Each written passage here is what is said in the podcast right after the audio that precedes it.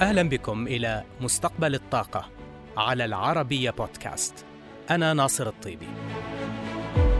نسعى في هذا البرنامج إلى المساهمة في الحوار الدائر حول عملية التحول في مجال الطاقة عالميا نحو مستقبل خال من الانبعاثات يضمن أمن المناخ وأمن الطاقة. رقم قياسي جديد تسجله أوبك بلس في سرعة اجتماعاتها إذ أنهت اجتماعها اليوم خلال 12 دقيقة في رسالة ذات مغزى حول مقدار التماسك والتفاهم بين الدول الأعضاء في المجموعة بقيادة السعودية وروسيا. نتيجة الاجتماع كانت متوقعة وهي التمسك بسياسة الإنتاج دون تغيير بما يعني زيادة حصص الإنتاج بنحو 432 ألف برميل يوميا مطلع مايو وهي زيادة أكبر بقليل عن زيادات الأشهر الماضية بسبب تعديل خطوط الأساس لإنتاج عدد من الدول. وفق اتفاق سابق تم التوصل إليه الصيف الماضي. وترافق هذا الاجتماع مع رسالة أخرى لافتة من أوبك تمثلت بإقصاء وكالة الطاقة الدولية كمصدر للمعلومات الثانوية عن تقديرات إنتاج النفط واستبدالها بكل من وود ماكنزي ورايستاد إنرجي. مع ما يعنيه ذلك من إلقاء بظل قوي من الشك على مصداقية البيانات التي تصدرها وكالة الطاقة الدولية. إلى درجة تشكيك البعض بقيامها بتكييف البيانات بما يلائم سيناريوهات وأجندات معينة تحبذها الوكالة. اجتماع أوبك بلس تزامن أيضا مع إعلان البيت الأبيض رسميا أن الرئيس الأمريكي جو بايدن أمر باستخدام مليون برميل نفط يوميا من الاحتياطي النفطي الاستراتيجي لمدة ستة أشهر وبمجموع 180 مليون برميل في أكبر تحرير للاحتياطات الاستراتيجية في تاريخ الولايات المتحدة. وسيتم ذلك بالتنسيق مع الأعضاء الآخرين في وكالة الطاقة الدولية. فما هي مفاعيل هذا القرار الكبير بالتزامن مع تنفيذ قرار أوبك بلس؟ سياسة أوبك بلس الإنتاجية ستضيف إلى المعروض 400 ألف برميل يومياً بداية إبريل و432 ألف برميل يومياً في بداية مايو وإذا ما ترافقت هذه الزيادة مع ضخ مليون برميل يوميا من المخزونات الاستراتيجية الأمريكية سيضاف إلى المعروض العالمي أكثر من مليون وثمانمائة ألف برميل يوميا بحلول مايو المقبل.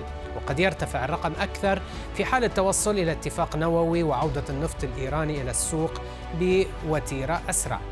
لكن في المقابل تبقى علامة الاستفهام الكبرى حول النفط الروسي ومدى تأثره بالعقوبات الغربية.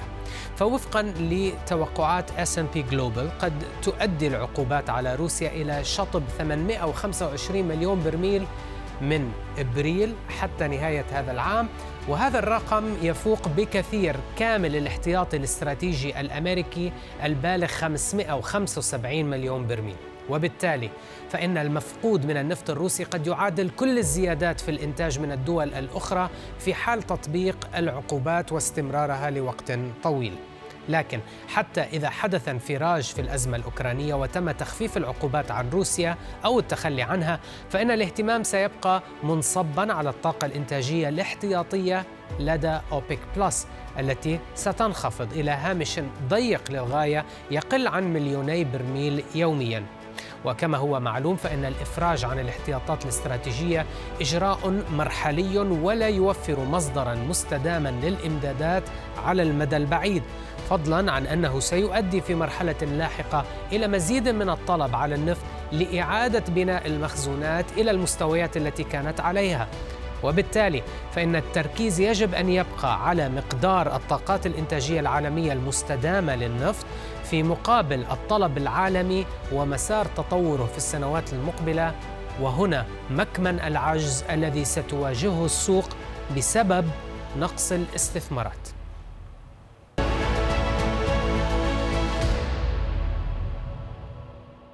أشار الأمين العام لمنتدى الطاقة الدولي جوزيف ماكمونيغل من أن الضبابية ما تزال تعتري البيانات حيال حجم الإمدادات الروسية التي فقدتها السوق مؤكدا أن أوبك لن تغير سياساتها الإنتاجية إلا بعد توضح البيانات المؤكدة. وتقييمها. كما حذر من قيام عامة الناس بربط سياسات تحول الطاقة مع أسعار الطاقة المرتفعة ما يعني ضرورة إبقاء أسعار الطاقة تحت السيطرة خلال إدارة عملية التحول.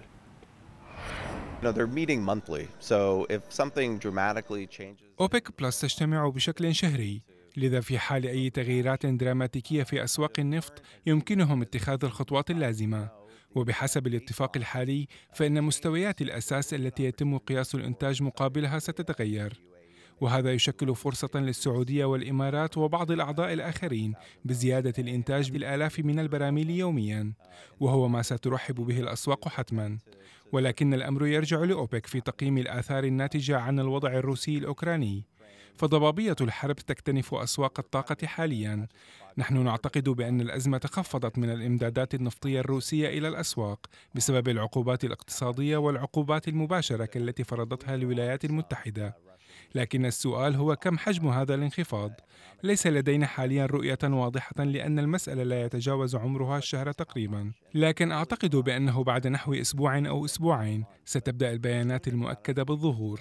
وأنا على يقين بأن أوبك ترغب بتقييم بيانات مؤكدة وصلبة قبل أن تقدم على اتخاذ قرارات كبيرة تتعلق بالإنتاج أو بالاتفاق نفسه. ذكرت النفط الروسي. ما مدى أهميته إلى أسواق النفط؟ وكيف ستتأثر إذا ما حظره الاتحاد الأوروبي كما فعلت الولايات المتحدة؟ الحسبة بسيطة. صادرات النفط الروسية تبلغ حوالي 4.5 مليون برميل يوميا في حين أن القدرة الإنتاجية الفائضة عالميا لا تتجاوز الثلاثة ملايين ونصف المليون برميل يوميا. لذا فإن هذه القدرة الفائضة غير قادرة على تعويض الإنتاج الروسي. كما أن عودة الإمدادات الإيرانية والفنزويلية لن تكفي أيضا. العالم يحتاج إلى إمدادات كافية من الطاقة. والإمدادات الروسية هي جزء أساسي من هذا المزيج. وأنا على يقين بأن زعماء العالم يدركون الأثر الكبير لأي عقوبات على روسيا. ليس فقط العقوبات المباشرة على قطاع الطاقة بل حتى تلك المالية لأنها تدفع بعض الأطراف إلى العزوف الطوعي عن التعامل بالطاقة الروسية. فإذا كان لديك مصفاة تكرير وتتعامل مع النفط الروسي فسيصبح من الصعب عليك الحصول على اعتمادات بنكية بسبب العقوبات المالية. لذا أتوقع أن الفترة المقبلة ستشهد أسعارا مرتفعة ومتقلبة إلى أن يحصل أحد الأمرين إما أن تعود الأمور إلى طبيعتها وتعود الإمدادات الروسية بكامل حجمها إلى الأسواق وإما أن يدخل العالم في ركود اقتصادي ويتآكل الطلب على النفط أتصور بأن هذا هو الواقع الذي وصلنا إليه اليوم I, I think that's kind of where we are. That's the reality of the situation. شهدنا ارتفاعات قياسية في أسعار النفط مؤخرا. كيف ستؤثر على عملية التحول في الطاقة وأهداف الدول المناخية؟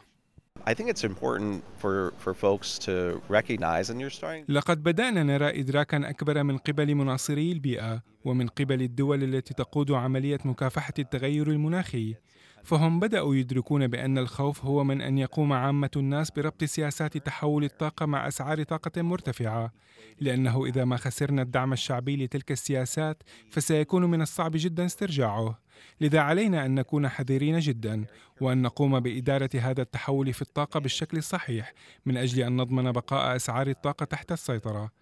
وفي نفس الوقت نواصل سعينا لتحقيق أهدافنا المناخية وتطوير التقنيات اللازمة. بهذا نصل إلى نهاية حلقتنا لهذا الأسبوع. نلقاكم الأسبوع المقبل في حلقة جديدة من مستقبل الطاقة على العربية بودكاست.